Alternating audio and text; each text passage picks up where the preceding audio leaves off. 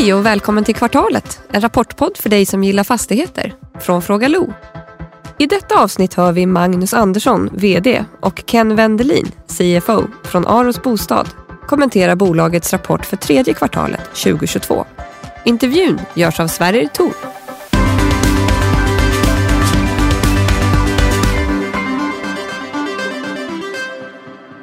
Hallå Ken, hallå Magnus, välkomna tillbaka till podden. Hallå, hallå, tack, tack. Tack, tack. Allt bra med er? Bara bra, bara bra. Själv då? Det är bra, det är bra. Bättre än marknaden som, som någon sa i en podd jag spelade in igår. Ja, jag förstår, jag förstår. Mm. Ska vi börja med att höra vad, hur det är med, med Niklas Höglund? Ja. Ja, då var det dags för snabbanalysen av Aros Bostads tredje kvartal för 2022. Och som jag rapporterat tidigare så har de hållit ett väldigt högt tempo med strukturaffärer under hela året. Och det är definitivt någonting som börjar avtryck i resultatet. Och tittar vi på resultatet per aktie och rörelseresultatet är det faktiskt upp med hela 89-85 procent i kvartalet. Och det här är, ligger över trenden som vi har sett på, på nio månaders siffrorna och är, ja, bedömer jag i alla fall exceptionellt i den här tuffare marknaden som vi ser för bostadsutvecklare. Marginalen är lite lägre än målet och eh, någonting de fick frågor på på conference callet.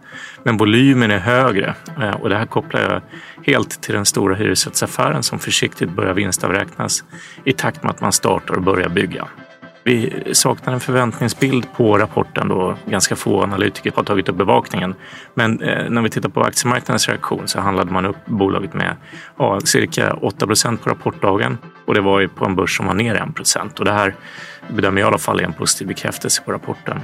Bolaget behåller sina nyligen uppgraderade mål men är försiktig i sina utsikter på marknaden. Eh, man pekar på att 88 procent av pågående produktion är sålt bokat genom hyresrättsaffären och att byggrättsförvärvet om lite drygt 1500 byggrätter som man tillträdde från Alm under, nu under fjärde kvartalet kommer att underbygga tillväxt framåt. Alm kommer genom den här affären gradvis bli den här största ägaren i Aros och förvärvet sker genom en emission av stam och preferensaktier och på stamaktien så gör man det till en kurs på, på 60 kronor som är betydligt högre än dagens kurs. Det är en tuff marknad för bostadsutveckling. Mycket drivet av stigande ränteläge, negativa disponibla inkomster för, för hushållen, i alla fall i, i reala termer, kombinerat med kraftigt stigande byggkostnader. Här pratar bolaget om att, att byggkostnaderna planar ut men ännu inte riktigt kommer ner. Men man har framgångsrikt positionerat sig för att överbrygga den här tuffare marknaden. Och det ger en bra avkastning och visibilitet för värdeskapandet även i den här tuffare miljön. Tre negativa. Stigande byggkostnader är en orosfaktor, särskilt för hyresrättsportföljen där bolaget säkrat intäkterna men inte fullt ut säkrat kostnaderna. Man ligger på 70 procent säkring. Boprisindikatorn och svagare disponibla inkomster riskerar att fortsätta pressa BRF och småhusmarknaden ytterligare samt en betydligt högre finansieringskostnader, vilket är helt klart i dagsläget begränsar försäljning och byggande även av hyresrätter nu när byggrättsportföljen fyllts på. Tre positiva. Framgångsrikt förbättrat rörelseresultat från pågående produktion, en hög visibilitet för intäkterna givet den här hyresrättsförsäljningen till en stark motpart ska läggas till och tydligt stöd från den här breddningen av ägarbasen, eh, vilket då stärker kvaliteten ytterligare i pipeline, främst kring småhus, vilket är ett viktigt segment framåt som verkar klara sig lite bättre än flerbostadshus. Och slutligen, ja, lägger till ytterligare en. Det handlar ju om eh, visibilitet för värdeskapande och tillväxt eh, och mitt mantra från tidigare är att eh, om Aros fortsätter på det här viset så är det något som aktiemarknaden kommer att ta fasta på och premiera. Toppen, tack för det Niklas. Eh, grabbar, är ni nöjda med rapporten? Det, det är ju, den är ju lite annorlunda om man säger så än, än vad de tidigare har varit. Jag ska inte säga stark eller svag för det, det kommer vi fram till sen. Ja, nej men absolut. Det är vi. Det är vi. Vi, vi tycker att eh, det vi trott ska hända i marknaden har kommit och vi har ju lagt en plan affärstanke kring det hela eh, som vi har re lyckats mm. realisera på hela vägen hittills. Så vi är väldigt nöjda. Det är vi. Mm, mm. Stabil är ju ett ord som ni använder i, i, i rubriken i, i pressmeddelandet. Och, alltså det är ju en tid där stabilitet kanske är, är, att, ska man säga, är att eftertrakta. Snarare än att, mm. att det är liksom mm. stora slag, varken fram, liksom upp eller ner. Men, men om ni skulle sammanfatta kvartalet liksom utifrån de yttre omständigheterna och, och liksom Aros? det som vi lyfter fram är att vi, vi har ett bra, väldigt bra rörelseresultat. Vi ökar ju kraftigt jämfört med samma period föregående år och även om man tittar på kvartalet. Det är ett bra resultat. Mm. Och det är också extra roligt att vi håller en bra bruttomarginal. Vi har ju siktat på 20 procent och tittar man på de nio första månaderna på året så har vi 20,4 procent i bruttomarginal. Och sen det som sticker ut lite extra det är vår höga bokningsgrad, att vi har sålt mycket. Vi har 88 procent bokat eller sålt av det som är pågående produktion. Och det, det är visserligen delvis på grund av den här hyresrättsförsäljningen där ett projekt nu är igång. Men rensat på hyresrätter så har vi väldigt mycket mm. sålt i bostadsaffären, 82 procent. Så att det är, vi har ju sett den här nedgången komma under ganska lång tid och eh, hyresrättsförsäljningen är en sån åtgärd vi gjort och nu går vi in i den här sämre marknaden med en väldigt hög bokningsgrad och mm. det känns ju väldigt eh, skönt för vi tror att den här svaga marknaden kommer att hålla i ett antal kvartal eh, och mm. har vi lärt oss av tidigare nedgångar och det, det är samma liksom mönster som händer igen. Det är en cyklisk marknad. Så på mm. känns det väldigt stabilt, eh, både resultatmässigt och eh, försäljningsmässigt. Mm. Mm. Du använder ju ordet cykel och det är ju liksom... Eh, många verkar inte förstå att cykel innebär att det också blir liksom nedgångar. Alltså det finns ju, det finns ju bottnar på en cykel också. Hur, hur liksom, och, och det gäller ju på något sätt att rusta företag för det. Uh, hur, hur, liksom, hur, hur har ni gjort för att, för att klara... Nu, nu var det 21 lägenheter ni sålde uh, under det här kvartalet va? Mm. Och det tar ju fastighetsvärden till exempel fasta på att det kanske inte är positivt. Hur, hur resonerar ni kring, liksom, ja, vad ska man säga, vad, vad är worst case scenario för er? Det är lite roligt så här när man tittar, för det, det blir ju lite, man tittar på rubrikerna som du säger, känns sålda jämfört med över 300 föregående kvartal. Men det, det är ju som, som vi säger, man kan inte bara titta på enskilda kvartal. Vårt stora grepp det har ju varit att vi gör den här stora hyresrättsförsäljningen så vi säkrar intäkterna. Mm på det som vi har i produktion och även det som vi kommer att starta upp under kommande år. Så under kommande 12 månader så kommer 75 procent av det vi startar upp att vara kopplat till hyresrättsportföljen där vi har säkerhetsaspekter. Mm. Så vi kommer ha en väldigt låg försäljning av bostadsrätter därför att marknaden är svag. Så det har ju varit vårt stora sätt att förbereda oss för den här nedgången som vi har sett under ganska lång tid. Så den statistiken den, den, tar vi inte så allvarligt på utan vi tycker att 21 sålde i kvartalet, det är helt enligt plan, men vi sålde nästan 900 bostäder i förra kvartalet. Mm. Mm, mm. Vi kan nästan addera tvärtom att det, är så att är det det de hoppar på oss på så ja, det finns uh, betydligt mycket värre grejer som uh, gäller för andra aktörer ute i marknaden. Så att vi ser det ju tvärtom att vi har, bara för att sätta det i något perspektiv, vi har ungefär tusen lägenheter i pågående produktion i Sverige. Och av de mm. lägenheterna så är det 117 ungefär då som inte är sålda ännu. Så att, eh, det är ju ett ganska angenämt problem om man säger så. Majoriteten är sålda. Vi har ju kanske till och med lite för lite ute till försäljning om man vänder på det egentligen. Okej, okay. men hur liksom eh, lägenheter som är inte sålda, de är inte producerade. Det är inte så att de kostar er pengar. Nej, det stämmer. Det stämmer. Vi har ju inga färdigproducerade lägenheter som inte är sålda. Mm. Utan, eh, vi har ju 12 projekt igång idag det vill säga ungefär nästan tusen lägenheter. Hälften av de projekten är helt slutsålda och sen ska du fördela de här cirka 117 lägenheterna på resterande sex stora projekt. Och de mm. projekten är ju under pågående produktion och har ett par år kvar innan de är färdigställda. Så vi, vi trygga med, med det vi har framför oss och tycker att vi är i linje med den affärsplan vi, vi har presenterat i maj och rullar vidare på verkar för att bolagets mål ska fortsätta att uppfyllas löpande. Mm, mm. Du nämnde ju Magnus att ni har en, en relativt hög bruttomarginal, 20 procent. Liksom, kan du förklara lite bättre? Ja, vi satte, när vi satte vår affärsplan så har vi kommunicerat ett nyckeltal. Det, det är bruttomarginalen. Det är alltså den marginal som vi ska hålla på projektnivå. Sen har vi ju omkostnader som sen dras av så att säga, från bruttomarginalen och leder till rörelsemarginal. Mm.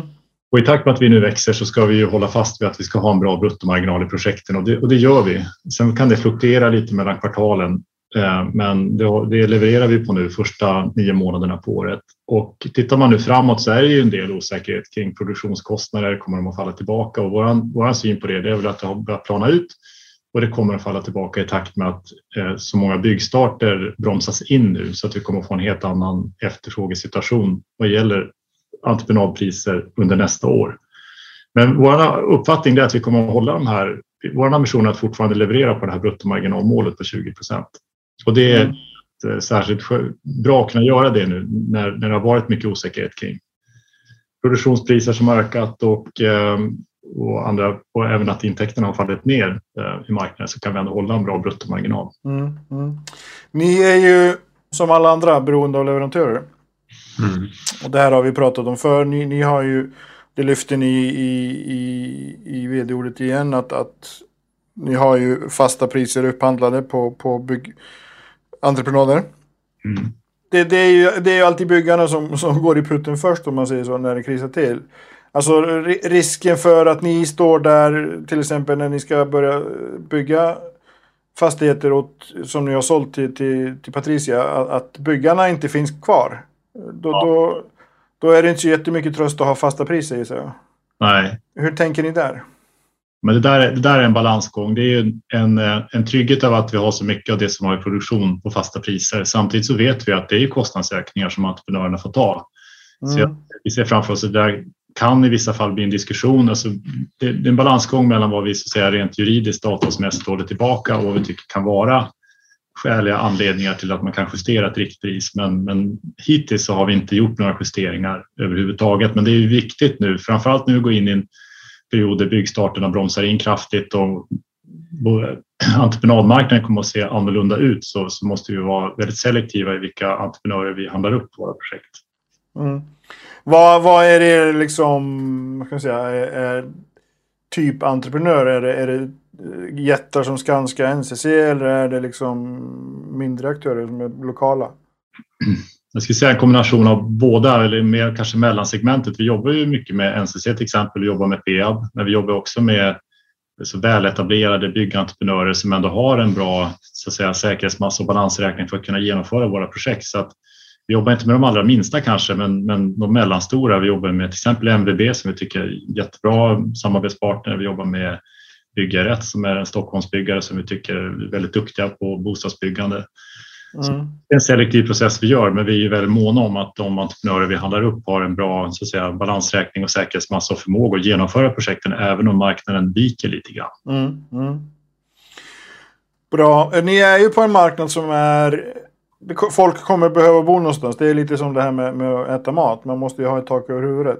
Mm. Eh, och, och det, det, är ju en marknad som har det, liksom ett kroniskt underutbud. Som, som du nämner i vd-ordet, Magnus.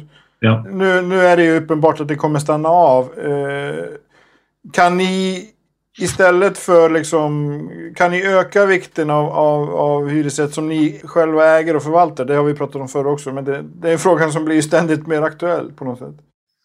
Ja, nej, men det kan vi göra, absolut. Jag menar, för att komma tillbaka kanske till den affärsplan som vi lanserade precis innan sommaren så har vi nu ett nytt tydligt element utstakat i att vi ska bygga upp ett förvaltningsbestånd över tid. Mm. Och det är klart att det gör ju att vi har ju flera verktyg att spela med när marknaden blir mer volatil helt enkelt. Vi behöver ju mm. inte bara sälja bostadsrätter som vi gör som vår liksom, ursprungliga affärsidé. Vi har ju provat nu att sälja hyresrätter till institutionella investerare, läst då senast med Patricia. Mm. Och det är klart att i det här så finns det ju i handen att vi också kommer att bygga för egen förvaltning. Så det är något vi utvärderar löpande. Sen tycker vi också att även om, om, det är en tuff marknad så vi har ju varit med om tuffa marknader sedan tidigare som Magnus sa.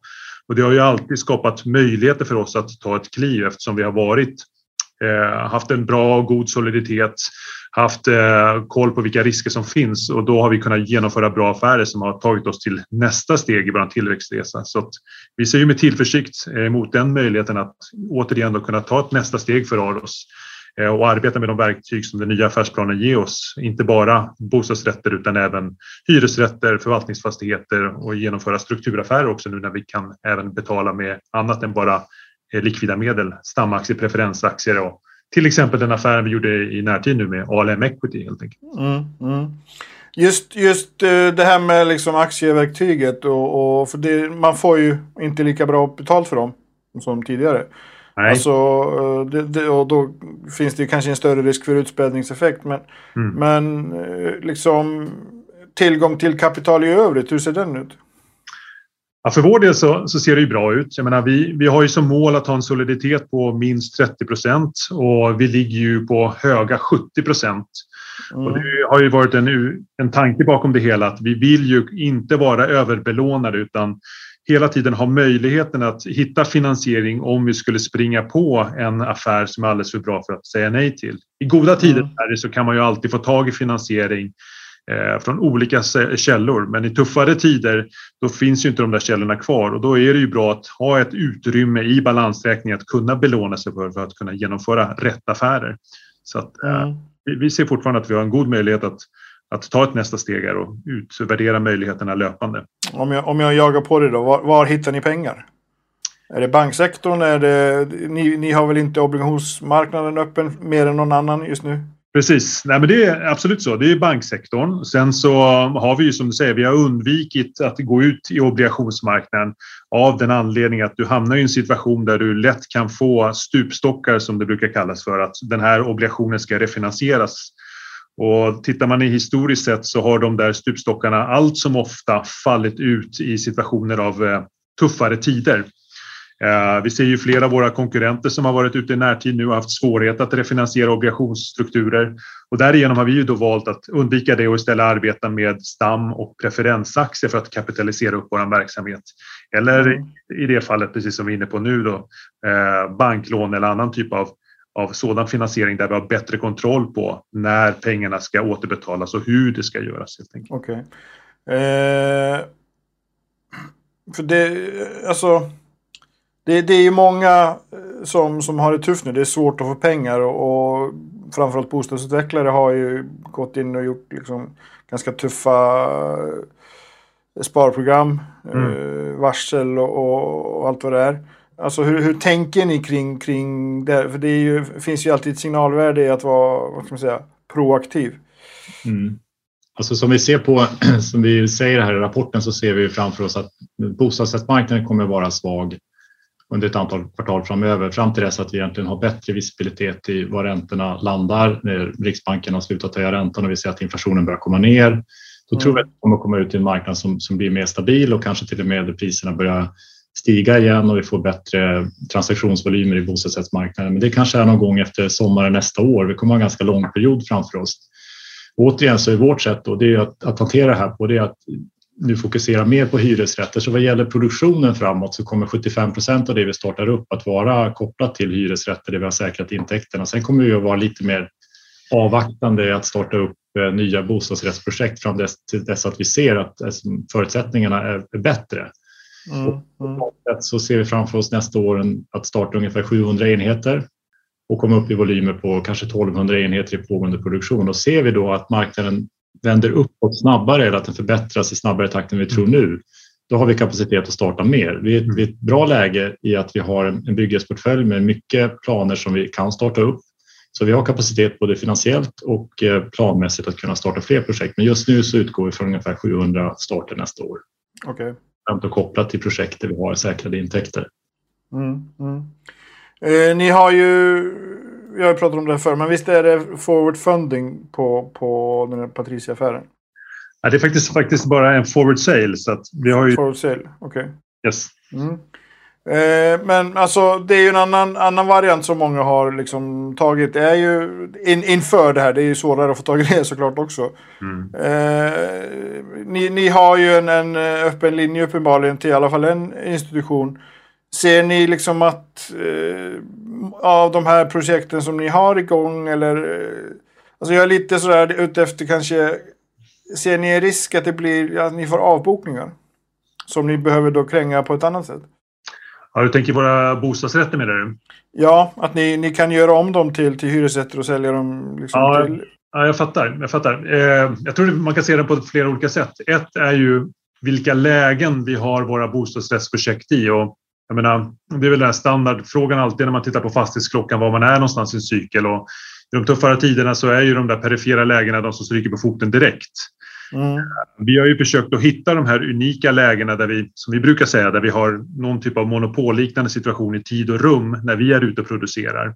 Mm. Och det ska ju göra att i sämre tider ska faktiskt vi ändå kunna vidmakthålla priser och sälja i de lägena. Och det är ju det vi känner av redan nu, att de lägena vi har, de är starkt efterfrågade. Det är inga avhopp på dem för att man har kommit åt ett läge som det inte finns så många andra alternativ till. Mm. Men om man då tittar på en större bild så är det klart att givet den nya affärsplanen så skulle det uppstå en situation där något deletapp kanske skulle få en situation med en försämrad försäljning så kan vi alltid göra om det till en hyresrätt i egen förvaltning.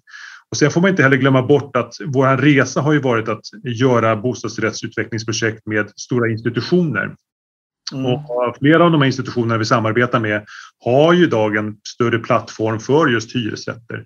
Så det är också naturligt att om ett sådant scenario skulle dyka upp att ta en kontakt med våra institutionella eh, investerare som vi känner sedan tidigare och se om, om de är intresserade av att titta på och förvärva det som hyresrätter. Så vi har flera avnämare om det skulle dyka upp, men det är ingenting vi känner finns för tillfället. Då tänker jag spontant på Wilhelm, för visst hade ni ju samma ägare ett tag? Absolut. AP1. Mm. AP1 och vi har ju ändå SEB-sfären inne och de har ju Domestika som är stora eh, hyresrättsfonder också som ett annat exempel. Då. Mm. Eh, apropå ägare, ni har ju fått in ALM, ni har ju era, era grundare som, som, som stora ägare fortfarande. Sen har ni ju Rutger Arnhult, vilket vi har pratat om förra, tidigare poddar. Och där, där är det ju lite, lite svårare kan jag tänka mig. Jag, jag gissar att ni inte vill kommentera det, men, men liksom rent generellt, är ni trygga med ägarbilden? Om man säger så. Ja, nej, men det är vi. Jag menar, återigen som du säger, vi är ju fortfarande ett eh, grundarlett eller grundarägt bolag.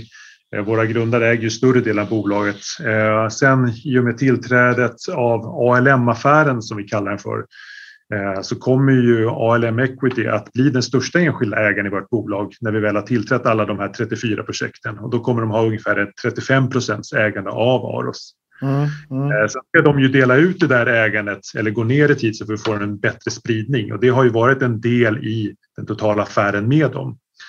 Men om man summerar det hela så tycker vi att vi har en väldigt bra ägarbild. Vi har stora starka institutioner som är stora ägare i bolaget och har varit med oss under en längre tid, vilket jag tror också är viktigt att komma ihåg. Det är ingen som kom in för ett år sedan i samband med noteringen utan de har varit med under fem, sex år och sett vår resa och valt att investera tidigt i oss. Så det är mm. en lång och trogen tjänsteerfarenhet eh, i den relationen. Mm. Svara på Rutger så vi, vi känner inte av honom och hans ägande på något sätt i Aros utan vi konstaterar att han är en ägare i Aros. Sen, sen vet inte vi mycket mer än så för att vara helt ärlig. Okej, okay, okej. Okay. Den här eh, ARN-portföljen, när liksom de här byggrätterna det, det är sådana här som ni kan sitta på. Alltså ni har tillträtt Eh, i alla fall en del. Hur, liksom, hur, hur akut är det att få spaden i marken där?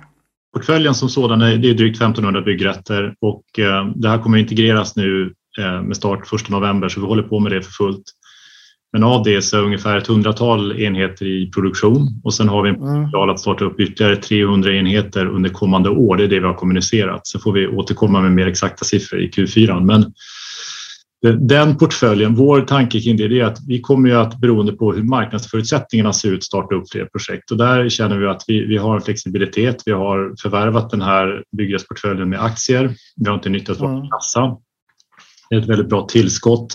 Vi får in fina byggrätter, framförallt småhusbyggrätter i fler kommuner så vi breddar oss geografiskt och produktmässigt och vi har en flexibilitet i att se hur, hur och när vi ska starta upp dem. Men vi har en potential det var det jag sa inledningsvis att just nu så kommer vi fokusera på hyresrättsprojekt framför allt och sen vara lite mer försiktiga med bostadsrättsprojekt och det är ju framförallt allmänportföljen som kommer att vara en stor liksom, flexibilitet i det. Så att eh, det, det är ett väldigt bra tillskott och eh, vi får återkomma i Q4 med de exakta siffrorna vad som är pågående produktion. Bra, det är dags att runda av. Men vi har, jag har en fråga dock innan ni får, får svara på den klassiska frågan om glaset. Eh, Ken, ja. Eh, det här är inte din sista podd kanske, men en av de sista. Ja. Den, här, den här uppställningen i alla fall. Hur, vad, vad, vad hände? Jag blev ganska förvånad. Mm. Du är ganska stor ägare också i bolaget. Ja, men det stämmer. Det stämmer. Nej, men det är väl, det är väl en kombination av flera grejer. Jag fick det, det korta svaret, givet att slut på podden, är att jag, jag, fick en fråga som jag har svårt att tacka nej till. Eh, och en möjlighet att eh, få vara med i Holmströmgruppen i, i deras steg och utvecklingsplaner. Eh, mm. Man, och det är ju inte en lätt fråga att ta ställning till för att vara helt ärlig. Jag har ju ändå jobbat på Aros i över sju år. Men summa summarum blir det så där att ett nästa tydligt steg och det var så pass intressant så jag tyvärr inte kunde säga nej i det här sammanhanget. Mm. Vi får prata mer om det här senare. Ja. Eh, hörni, eh, sista frågan är ju Ja, jag har ju fått lite reaktioner från lyssnare faktiskt på att jag ställer den. Det är svårt att säga att halv, glaset är halvtomt. Är glaset halvfullt? Det gissar jag. Ja, ja men, men. alltså, vilken brasklapp skulle ni lägga med? Ja, det blir en ganska lång brasklapp, men, men nu är vi inne i en, i en vikande marknad. Mm. Mm. Jag har sett det här komma under ganska lång tid. Mm. Vi har förberett oss med den här hyresrättsförsäljningen. Vi har mm. förberett oss med att säkra upp avtal på fast pris. Vi har säkerställt det med att ha en stabil finansiering. Mm. Och nu går vi in i den här nedgången och vi vet att vi kommer att komma ut ur den eh, stärkta på något sätt. Mm. Så att vi känner oss ganska liksom, trygga i att vi har verktyg i verktygslådan för att hantera det här. Sen blir det i det korta perspektivet mycket rubriker, priserna faller, oro kring alla möjliga olika frågor. Men vi känner oss ganska liksom lugna i att vi, vi har en plan för att hantera det här och vi tror att det kommer att komma i det korta perspektivet kommer att vara trögt, men det kommer att komma möjligheter. Så att mm. det är inte så mycket brasklappar faktiskt. Sen är vi ju liksom väldigt, vi har ju respekt för att marknaden förändras snabbt. Det är en cyklisk bransch, men vi tycker att vi har förberett oss så gott vi kan inför den nedgång som kommer och vi tycker att vi relativt många andra står väldigt starka. Så att eh, det är inte så mycket brasklappar faktiskt. Vi kan säga så här Sverre, vi pratade ju lite fotboll innan eh, vi kom igång. Mm. Eh, vi har haft försäsongsträning. Vi tycker att vi har gjort den väldigt, väldigt väl och nu är det dags för oss att liksom kunna skörda fördelarna av att träna ordentligt. Läs alla de här åtgärderna som Magnus beskrev. Nu ska vi ändå få utdelning av dem helt enkelt när det väl är dags för match. Mm. Det var en väldigt bra avslutning för nu är det VM också. Ja, just det. Just det. Toppen. Tack ska ni ha grabbar. Tack, tack. tack. Och tack för att ni har lyssnat.